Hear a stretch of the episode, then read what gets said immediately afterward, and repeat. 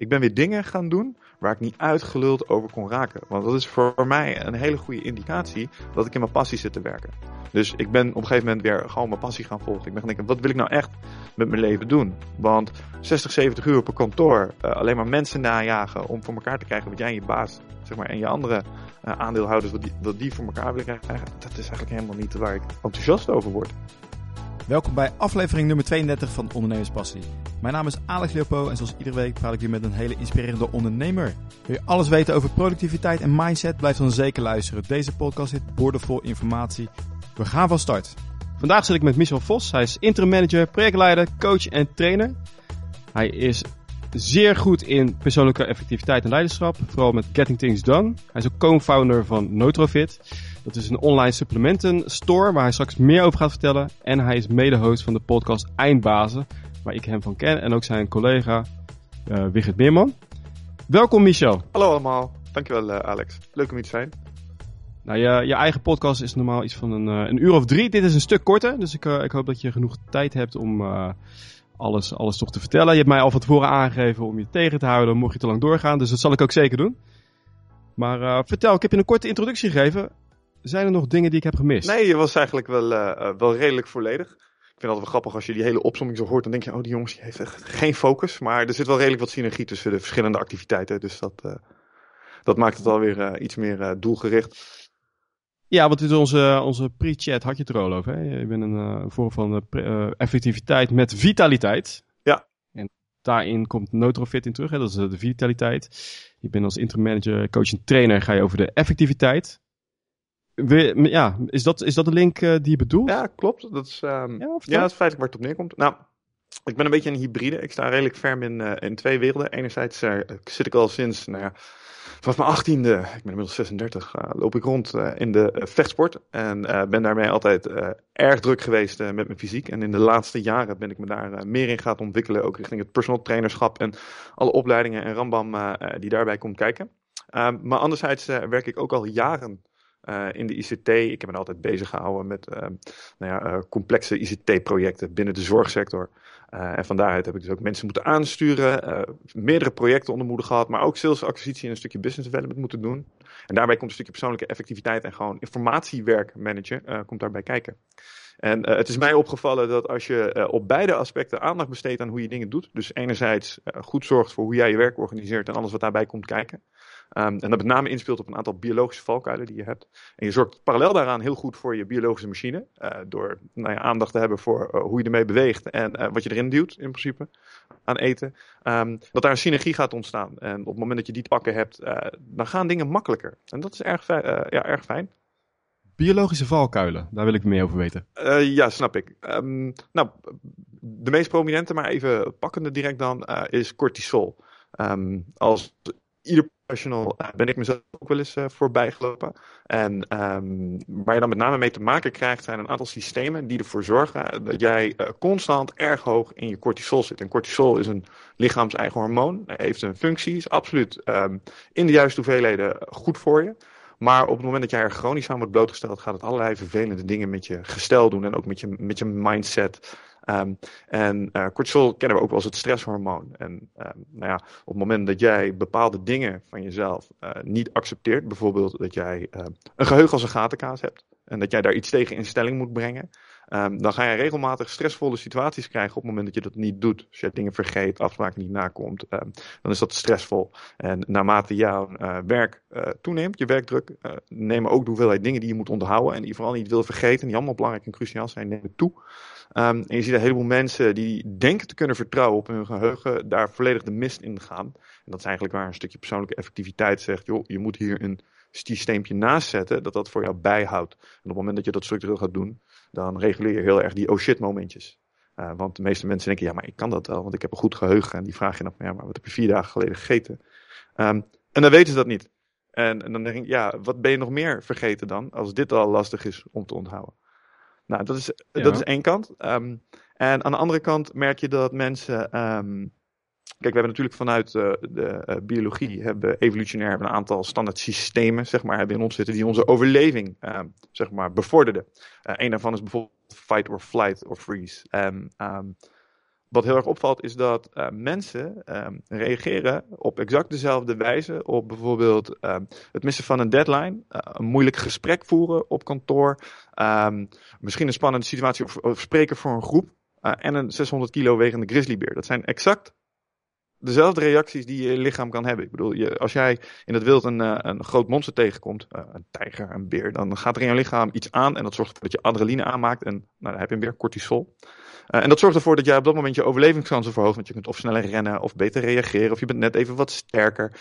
Um, en dat is prettig op het moment in de natuur dat je leven um, nou in gevaar is. Maar op de werkvloer doen we eigenlijk precies hetzelfde. En dat betekent dat we ook allerlei van die stressreacties afgaan in ons lichaam. Bijvoorbeeld bij het praten voor een groep. Misschien uh, mensen die hier naar luisteren, die dat wel eens hebben meegemaakt. Sommige mensen die zijn er niet heel goed in en die zien zichzelf helemaal opvreten op het moment dat ze voor een clubje als meer als twee mensen een verhaal moeten houden. Hartslag gaat omhoog, ze zweten als een malle. Je ziet ze rood worden in het gezicht, ze beginnen te stamelen en dat soort dingen. En dat is eigenlijk gewoon fight or flight en ja, full effect wat je daar ziet. En uh, het is maar een voorbeeld uh, van hoe het aan kan gaan, maar het gaat eigenlijk constant aan in je hoofd de hele tijd. En dat zorgt er dus voor dat jij constant onder een soort ja, adrenaline en een soort cortisolrush leeft. Maar nogmaals, als dat chronisch gebeurt, ja, dan is dat niet altijd best voor je uh, biologische gestel. Dus dat is wat ik bedoel met biologische valkuil. Oké, en dan krijg je een burn-out als je constant onder dat stresshormoon zit, wat eigenlijk bedoeld is om te zorgen dat jij gewoon snel weg, uh, weg kan rennen van die grizzlybeer. Ja, als jij dat nons... Kijk, wegrennen voor een grizzlybeer is eens, uh, eens per dag grappig, maar als je dat de hele dag door aan het doen bent, dan op een gegeven moment ben je niet zo snel meer. En je kunt het een beetje vergelijken met een auto in zijn een zetten en hem uh, vol intrappen op het gas. Kijk, je kan hem wel even over zijn toeren laten gaan, maar als je dat achter achter elkaar doet, non-stop, vijf, zes dagen in de week, afhankelijk van uh, je werkethiek en hoeveel uurtjes je klokt in een week, um, ja, dat is niet altijd best voor je. Oké, jij bent achtergekomen met die vitaliteit ook. Dat, uh, moet ik dan ook denken aan voeding? Ja, onder andere. Kijk, ik, ik kan hierover meepraten omdat ik als, uh, zeg maar, uh, ja, als elke professional, ik ben er ook in getuind. Ik heb mezelf ook wat over de kling gejaagd door een aantal duidelijke signalen die je lichaam en je echt wel gaat afgeven, door die gewoon compleet te negeren. Slecht slapen, slecht humeur, afspraken vergeten, een beetje een grauw gevoel bij het opstaan, weet je wel, een gebrek aan motivatie, het gevoel dat alles stilstaat en het allemaal moeilijk zwaar is. Je kent het al, heel zwaar leven. Moeilijk. Allemaal mensen denken nu, ja, ja dit gaat over mij. Ja, dat praat je niet. Nu moet je komen met antwoord. Ja, dat snap ja. ik. Praat je niet meteen uh, jezelf een burn-out aan, maar negeer de symbolen niet. Uh, of de, uh, de tekenen aan de wand niet. Want op het moment dat je dat. Um, je kunt er dingen tegen doen. En een van de belangrijkste dingen um, is ten eerste constateren dat het zo is. Snappen dat je in die situatie zit en vervolgens handelen. Nou, een van de dingen die je als eerste zou kunnen doen als je het nog niet doet, is inderdaad lichaamsbeweging. want sporten doet namelijk één ding. Het zorgt ervoor dat je even niet aan het werk bent. Want wat doen de meeste mensen op het moment dat ze in de problemen komen, op bijvoorbeeld met hun kantoorbaan? Oh shit, het gaat even iets minder. Oh shit, we halen de deadlines niet. Hmm, klanten boos. Paniek. Uh, we gaan nog harder werken. Met als gevolg dat je de motor eigenlijk nog verder onder druk zet. En ja, het eigenlijk aan alle kanten begint te piepen en kraken. En een van de beste dingen die je kunt doen, is gewoon even rust pakken. Want op het moment dat jij even tijd voor jezelf neemt, en je gaat iets doen als een fysieke inspanning. Nou, ten eerste reguleer je stress. Ten tweede, uh, als je het goed doet, het trainen, uh, genereer je allerlei positieve hormonen.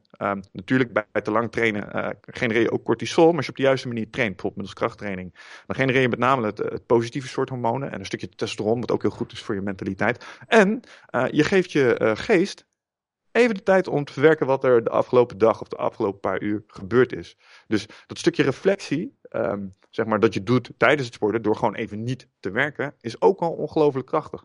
Want misschien ken je dit wel, soms ben je een probleem aan het oplossen. En dan zit je ongelooflijk uh, te trekken aan het probleem om uh, zeg maar de oplossing te vinden. En dan laat je het even liggen en dan kom je tien minuten, een kwartiertje later terug en ineens is het super simpel. En dan snap je niet dat het zo ongelooflijk lastig was om het op te passen. Nou, dat werkt daar net zo.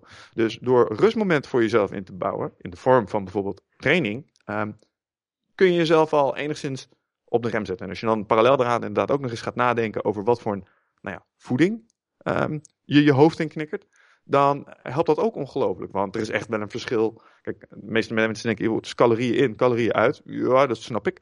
Maar het is nog wel een verschil of jij er um, 100 calorieën kipfilet in gooit of ja, 100 calorieën paprika chips. Snap je? Dus daar zit echt wel een verschil in hoe je lichaam daarmee omgaat. Nou, als je daar ook iets bewuster mee omgaat. En je zorgt ervoor dat je lichaam in ieder geval alles heeft wat het nodig heeft zo gedurende de dag.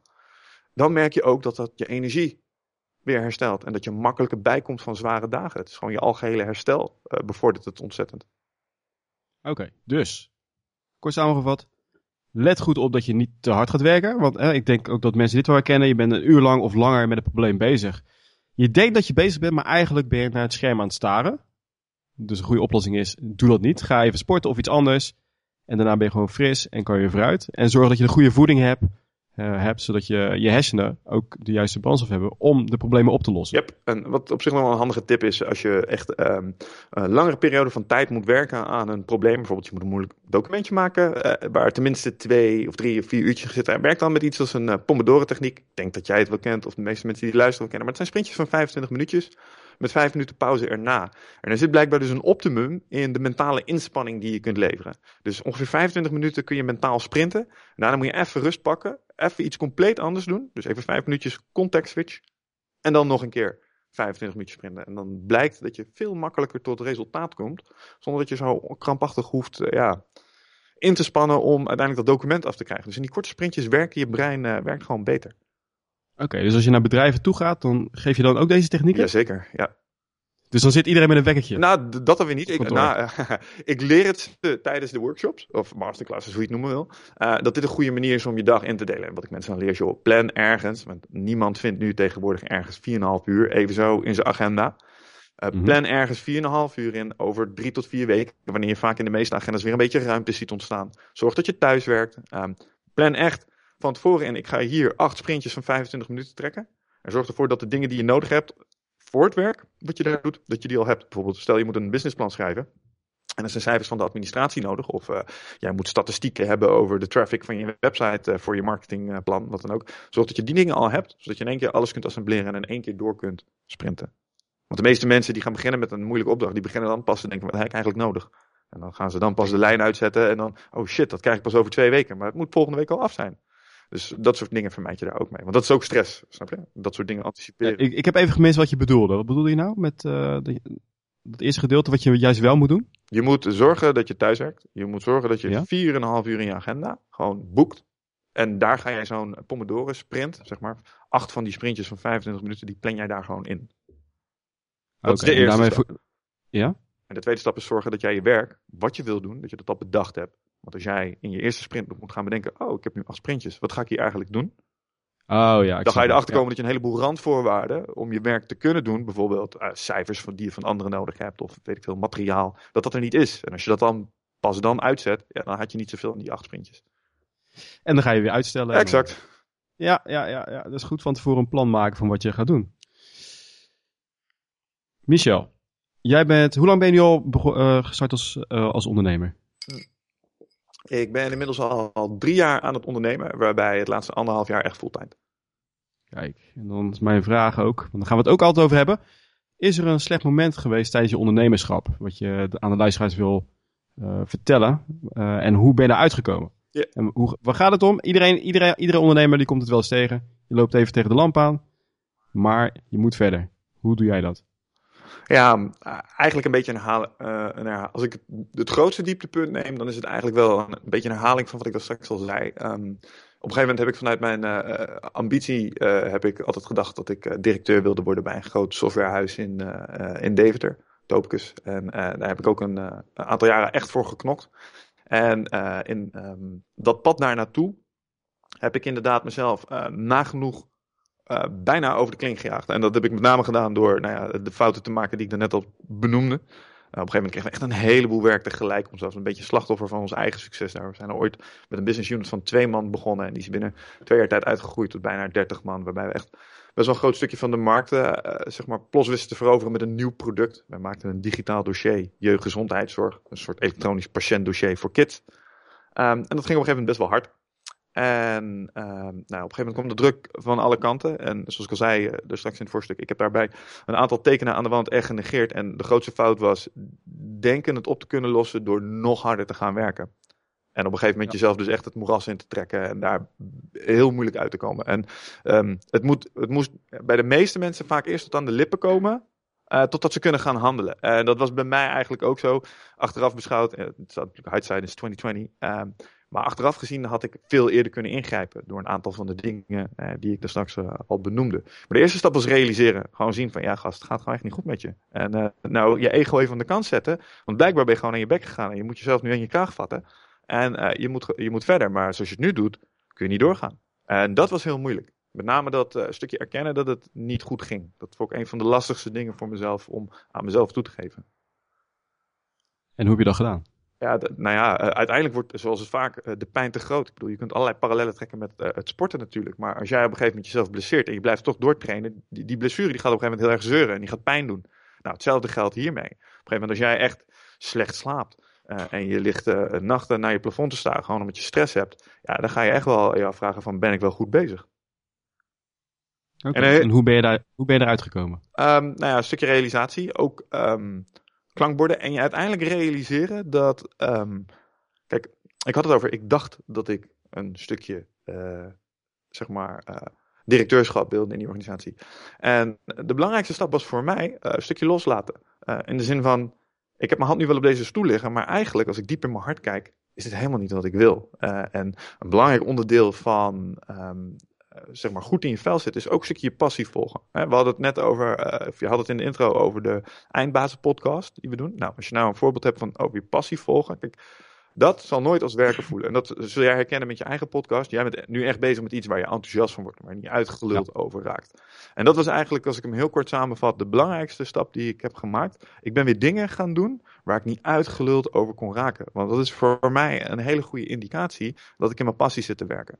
Dus ik ben op een gegeven moment weer gewoon mijn passie gaan volgen. Ik ben gaan denken, wat wil ik nou echt met mijn leven doen? Want 60, 70 uur op een kantoor, uh, alleen maar mensen najagen om voor elkaar te krijgen wat jij en je baas zeg maar, en je andere uh, aandeelhouders, wat die, wat die voor elkaar willen krijgen, dat is eigenlijk helemaal niet waar ik enthousiast over word.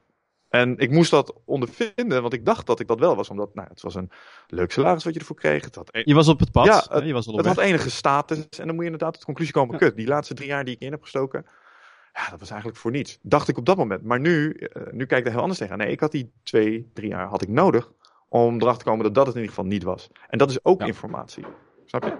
Dus, en anders... wat, ben je toen, wat ben je toen gaan doen? Waar, waar raakte jij niet over uitgepraat? Nou, eigenlijk het stukje waar we het net over hadden. Want een van de belangrijkste um, zaken uh, zeg maar, die mij heeft geholpen om mij in kaart te brengen waar dan wel mijn passie lag, was een stukje Getting Things Done.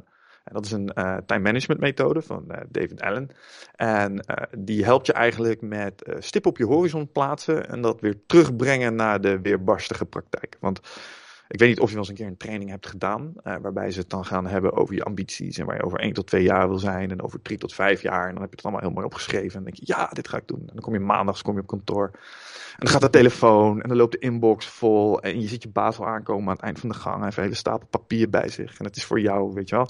En al die fantastische, glorieuze ambities, die smelten alweer als sneeuw voor de zon. En GTD benoemde dat heel mooi. Dat... Het doet gewoon pijn als je dit zo vertelt. Ja, maar het is waar. Uh, mooi, mooi gezegd, ga verder. Ja. En um, GTD verwoordde dat heel mooi voor mij. Ze zeggen, ja, dit is het probleem en je moet, je moet het vergelijken met het laten opstuigen van een vliegtuig. De meeste mensen willen vliegen zonder dat de startbaan leeg is en opgeruimd is. En uh, daar begon het heel mooi.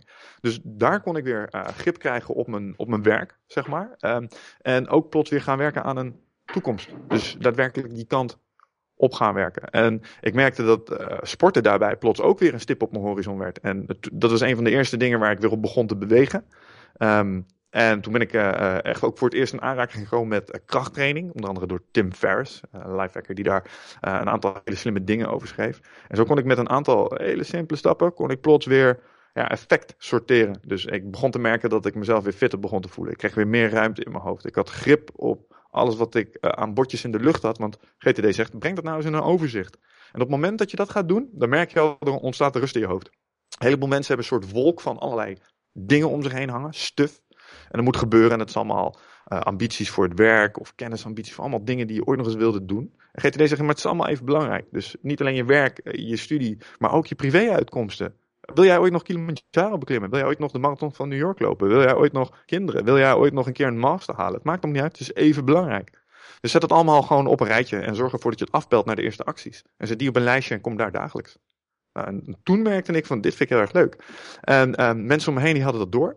En die begonnen ook een beetje op die manier te werken. En nou, toen ontstonden mijn eerste trajectjes waarbij um, het bedrijf mij vroeg, joh, kan je eens een keer gaan zitten met wat mensen van ons die soortgelijk profiel hadden als jij? Bijna burn-out. En zei ik, ja, dat wil ik wel. Uh, ga ik ze leren GTD'en, enerzijds. Maar ik vind het ook belangrijk dat ze ontstressen. Dus ik neem ze verplicht drie keer per week mee naar de sportschool. Nou, zo gezegd zo. Want alles, alles heb je alles voor elkaar, maar voel je nog steeds uh, niet gelukkig. Wat zeg je? Anders heb je wel alles voor elkaar. Weet je wel, getting things done. Maar het zijn niet de juiste dingen. Nou ja, anders heb je... Of word je nog steeds niet lekker. Ja. Nou ja, dat. En eh, wat ik met name probeer te doen in die eh, verplicht 12 weken, drie keer per week met mij naar de sportschool. Eigenlijk wat ik die mensen doe, is ik leer ze kickboksen. Want daar kom ik origineel vandaan, vanuit de vechtsport. Maar daar zit een soort stressregulatie in. En als zij drie keer per week gewoon lekker op de mat staan. En ze beginnen hun lijf weer wat aandacht te geven. Dan merk je gewoon, er komt meer beschikbare energie. Cortisolniveau neemt af. Ze zijn aan het ontstressen. En combineer dat met een stukje stip op de horizon plaatsen. En alle bordjes die je in de lucht hebt inventariseren. En dan ook nog eens je werk eromheen wat beter stroomlijnen en organiseren. En dan krijg je synergie. Dus het gaat fysiek beter. Je werken, je krijgt meer overzicht. Je gaat ook bewegen. En dat is een hele belangrijke. Op je doelstellingen. Kijk, de meeste mensen zijn aan het water trappelen. Dus die, zijn, die blijven op de plek en ze hebben geen idee waar ze heen gaan. Maar op het moment dat jij weet, ik wil daar naartoe, naar die plek op de horizon, en je gaat die kant op bewegen, krijgen mensen een gevoel van momentum. En dat is eigenlijk het mooiste. Dan zie je mensen vaak weer tot bloei komen. Ze voelen dat ze weer in beweging zijn en dat ze het moeras uit zijn. Nou, dat is iets, ehm, dat hele proces en hoe je mensen in beweging kunt krijgen, dat is waar mijn passie ligt. En dat probeer ik ook allerlei dingen om eh, ja, te verzamelen, om dat voor mensen maar zo optimaal mogelijk te laten verlopen. Allerlei dingen om je heen te verzamelen. Wat bedoel je daarmee? Kennis. Ehm, ik hoorde laatst, eh, bijvoorbeeld, eh, nou, Eindbaas is een heel mooi voorbeeld, hè, de podcast. Ja. Ehm, waarom zijn we dat nou eigenlijk gaan doen? Uh, nou, Wicht en ik merkten gewoon dat we vaak vanuit bijvoorbeeld Nutrofit of uh, de sporten waar we in zaten. We komen uit het uh, MMA, Mixed Martial Arts. En dat is niet zo'n hele grote wereld. Dus we spraken ook best wel vaak mensen die daar kampioen in zijn. En dan merkten we in die gesprekken van, joh, dit is zo leerzaam als je met dit soort ja, kampioenen, champs, superprofessionals spreekt. Um, want er zitten altijd lessen in die je eruit kunt halen. Ook al heeft hij het over kickboksen, kun je er nog een les uithalen die je op je kantoorwerk kan toepassen. En ik had zoiets, ik wou soms hè, dat meer mensen podcasts zoals uh, de Joe, Rogan Experience zouden luisteren. Waarom? Omdat daar ook heel veel van dat soort specialisten voorbij komen, waar je telkens wel iets eruit kan halen. En nou ja, op zo'n manier proberen we dus, hè, Wigert en ik dan, dingen in ons leven te organiseren om met al dat soort specialisten in aanraking te komen. En dat is het mooie aan Eindbaas. We praten met mensen die op het gebied van vitaliteit en persoonlijke ontwikkeling gewoon echt iets gedaan hebben. Of sportief. En je merkt toch dat als je met die mensen praat, enerzijds, je kijkt tegen ze op, want ze hebben echt prestaties neergezet. Maar ze hebben ook een bepaalde aanpak. En met name die aanpak vind ik heel interessant. Want het is een soort, ja, misschien iets heel simpels waar jij en ik niet aan denken. Ja, nou ja, vaak is het. Wat, wat is er iets opmerkelijks wat je daaruit uh, kunt vertellen? Wat die mensen over het nou, mis, ja, misschien, een, misschien een interview waarin, waarin je zag van, hé, hey, wacht eens even. Dit had ik, en dat je gelijk hebt toegepast op jezelf toch, um, ja, twee dingen. uh, de eerste was, uh, we spraken laatst ooit Remco Klaassen. En ik had altijd een bepaalde genre om concepten die ik van um, bijvoorbeeld een Tim Ferriss of een David Allen of wie dan ook zag. dan dacht ik van, oh, dat is echt goed. Wou dat ik dat bedacht had. en kon ik dat maar gebruiken. En dat is een van de dingen die Remco Klaassen heel mooi omschreef. Hij zegt, ik ben een multi-kennis uh, nee, uh, multikennis guru klik, nee, guru kliko. Dus ik verzamel gurus. en uh, daar, daar, kom, daar pak ik de elementen uit die mij het beste liggen en die hanteer ik weer. En daarmee lifte hij een soort van belemmering die ik mezelf had opgelegd op. Ik zei van ja, eigenlijk kun je het ook wel gewoon op die manier kun je dat gewoon doen. dat was een van de belangrijkste lessen. Zo van, joh, schroom je niet om in te zetten dat, wat werkt. Als het werkt is het goed. Um, en uh, de tweede daaruit was is dat passie over de linie heen bij al die mensen echt het doorslaggevende element lijkt te zijn. Dus als je kijkt naar de kernles die over alle podcasts die we inmiddels hebben gedaan, is dat als je gaat van ja, maar wat is nou eigenlijk de essentie? Ja, zeggen ze, hè, ik zit in mijn passie. Remco Klaassen noemde het zijn quizpol. Uh, Bas Kodde die noemde het uh, zorg dat je in je energie gaat zitten, weet je wel. Um, maar onder de streep komt het neer. Zorg ervoor dat je die beperkte aantal minuten die je hier op deze planeet hebt, vult met iets wat je echt heel erg vet vindt. En dan komt de rest vanzelf. Want heel vaak zie je mensen dat niet doen omdat ze andere dingen op de eerste plek zitten. Namelijk bijvoorbeeld een stukje financiële zekerheid, of een stukje sociale zekerheid, of uh, een stukje angst voor de mening van anderen om bepaalde dingen te gaan, wel of niet te gaan doen. Of je denkt dat je een bepaalde richting op wil, maar dat blijkt het niet te zijn. Ja, maar daarvoor zul je hem eerst een stukje op moeten gaan, want dan kom je alleen maar achter ja. op het moment dat je er zit. Ja, klopt. en dat zijn Heel allemaal gaaf. doeners in dat opzicht. En uh, ik denk dat dat over de linie toch ook wat moois is. is uh, zijn ook van, ja, is mooi, leuk dat we ambities bijspreken, maar nu moet er gewoon iets gebeuren. Dus we gaan trainen, Ja. of we gaan of voor een groep staan, of we gaan dingen voor elkaar maken. Ja, dat, het doen. Ja, klopt. Komt in deze podcast ook steeds naar voren van wat maakt nou het verschil? Nou ja, gewoon die actie ondernemen, niet bang zijn. Of ja, wel bang kunnen zijn, maar het doen. Ja, het moeilijkste wat ik bij professionals zie is het overwinnen van uitstelgedrag. Dat is echt. Nummer één, eh, zeg maar, waarom gebeuren dingen niet? Ja, uitstelgedrag. En wat daar dan weer de reden van is, dat is natuurlijk vaak een heel proces om daarachter te komen. Maar dat is het gewoon echt. Weten wat je, Gewoon wel weten wat, je wilt, wat je wil doen en wat je moet doen, maar desondanks niet doen. En dat is het meest onlogische wat ik bij professionals en bij mezelf zie, maar het gebeurt non-stop. En heb je bij jezelf, ben je bij jezelf achtergekomen waarom dat is? Ja, li- licht eh, oorzaak is heel verschillend. Ehm, de eerste stap is je snappen dat je het hebt. En begrijpen Ja. waar het vandaan komt. Eh, en dan vervolgens proberen te achterhalen wat het deze keer is wat je blokkeert. Kijk, eh, Ja. weerstand eh, zeg maar, treedt op in een aantal situaties. Hè. Ten eerste als je lijfelijke dreiging. Ik bedoel, zet mij in een vliegtuig en zeg maar, vertel me dat ik eruit moet springen met een parachute. En dan heb je nog nooit zo'n weerstand gezien. Dat is gewoon een dom idee, vind ik. Ehm, twee, als Best, best gaaf om te doen. ja, nee, dat weet ik wel. Maar 1 op 10 of zo, die houdt er iets aan over, heb ik ooit eens gelezen. En I don't like them. Ehm, Oké. Maar twee is eh, omdat eh, iets bijvoorbeeld niet actionable genoeg omschreven is. Vaak werken mensen wel met lijstjes, maar dan kom je dan echt de meest ehm, ja, blobs of in action. Dan staat er een item op en dan staat ja, onderneming succesvol maken. Dat staat op mijn takenlijst voor vandaag. Eh, Ja. Oké, hoe ga je dat doen dan? Weet je wel? Je moet slice en dice. Je moet je acties zo klein mogelijk maken. Wat je ook ziet is dat de, de actie gewoon ver buiten de comfortzone ligt. Bijvoorbeeld als je wel weet dat je eerstvolgende actie een gesprek aangaan is met die vervelende collega. Ehm, dan kun je dat wel weten, maar dan doe je het misschien nog wel niet, omdat jij niet zo'n zinnen hebt in de sociale harmonie verstoren. Omdat je dan een moeilijk gesprek aan moet gaan. En dat vinden wij mensen niet prettig. Nou, dat zou, Nee. hè, dat zou een optie kunnen zijn. Vaak zit daar ook een stukje eh, bewustwording over de mening van anderen. Want waarom wil jij niet zeuren in dat gesprek? Ja, straks vind je een Dat Ja. soort dingen. Ehm, dus eh, buiten de comfortzone liggen. Eh, wat ik bij mezelf nog wel eens constateer, kun je even een bruggetje maken naar Nutrofit, is ehm, uitstelgedrag omdat je weet dat de volgende actie een nieuwe set aangewenste uitkomsten unlockt of andere acties. Voorbeeld, we zijn recentelijk overgestapt op een eh, order fulfillment eh, partij voor Nutrofit. En ehm, hoewel die overstap op zich niet zoveel werk was, dat was het eh, uitonderhandelen van een contract en het tekenen daarvan, wist ik dat daarachter een hele set aan activiteiten kwam, zoals het opnieuw inrichten van de back-office, het realiseren van een aantal technische koppelingen, waarvan ik weet dat het allemaal wel kunnen, maar dat het toch uitzoekwerk is. En ah, shit, dat komt nu allemaal niet. En het feit dat je weet dat dat erachter zit, kan je uitstelgedrag doen hebben op die eerste. Want zodra je die vinkt, ja, dan unlock je de rest ineens. Dus die gebeurt ook nog wel eens. Ehm, ja, en uitstelgedrag op basis van ehm, energie. Soms heb je gewoon echt de bui of eh, de mindset niet om bepaalde dingen te doen. En dat is ook niet erg. Sterker nog, eh, dat kan soms heel volwassen zijn. Als jij echt in een fucking slecht humeur bent, moet je misschien niet op dat moment midden in een team-evaluatie eh, gaan zitten of het hoogste woord willen hebben. Maar ehm, ja, soms heb je gewoon niet de energie. En wat je dan in dat geval het beste kan doen, is het wel daadwerkelijk naar een andere dag brengen. Maar, ehm, en dat is een van de belangrijkste counters die je, wat mij betreft, tegen uitstelgedrag in stelling kunt brengen. En daar kan iedereen vandaag mee beginnen, is een stukje interventie uitzetten. Want als jij en ik samenwerken met elkaar, of eh, stel je werkt ZZP zoals ik, je hebt echt wel mensen in je omgeving ehm, met wie je het over je eh, zeg maar, zakelijke doelstellingen hebt. En wat ik doe op dat soort gevallen is, als ik dus echt verzet omdat ik de energie niet heb, dan zeg ik oké, ik zet het op morgen. Maar dan stuur ik direct even via de WhatsApp een voiceberichtje naar een van mijn eh, ja, accountability buddies noemen we het. Dus iemand die medeplichtig is aan mijn succes en die ik vertel elke dag, een beetje la Scrum. Ehm, dit is wat er vandaag moet gebeuren. Dit is waar ik eh, tegen opkijk. Hier verwacht ik uitstelgedrag op. En elke dag stuurt hij even een, een soortgelijk berichtje met zijn punten. En aan het eind van de dag checken we elkaar even of het gelukt is. Waarom? Omdat het je helpt met je kikkers opeten. Iedereen die heeft zeg maar één zo'n ding op zijn takenlijstje staan elke dag waar hij echt geen zin in heeft. En eh, dat is wat een aantal andere eh, time management eh, jongens dan ja, Eat Your Frog hebben genoemd. Dus zorg ervoor dat je dat taakje het eerst van je lijst afvinkt waar je de meeste weerstand op hebt. Ehm, dus uitstelgedrag op vertoont. En wat dan heel erg kan helpen is iemand naast je in stelling brengen. ehm, die dan zegt, hé hey gast, is het gebeurd? Want als jij en ik afspreken dat jij actie A vandaag uitvoert en morgen spreken wij elkaar weer en jij moet mij vertellen dat actie A niet gelukt is, dan voelt dat kut. Accountability, zeker weten. 100%.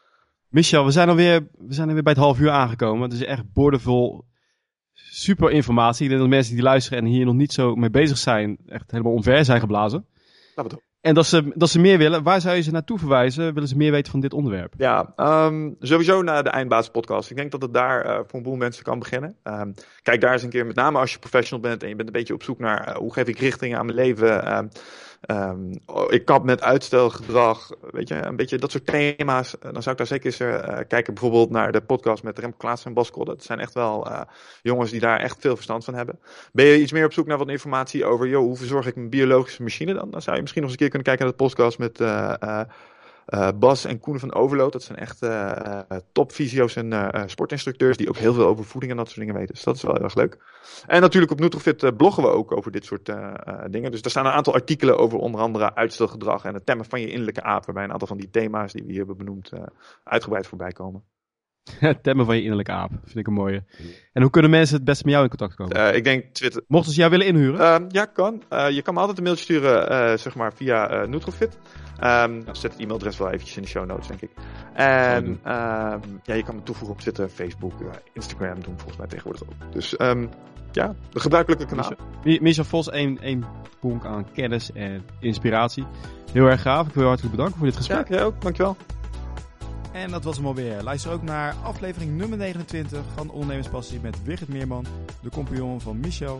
Daarin hoor je alles over het starten van een start-up. Tot de volgende keer, maak er een mooie dag van.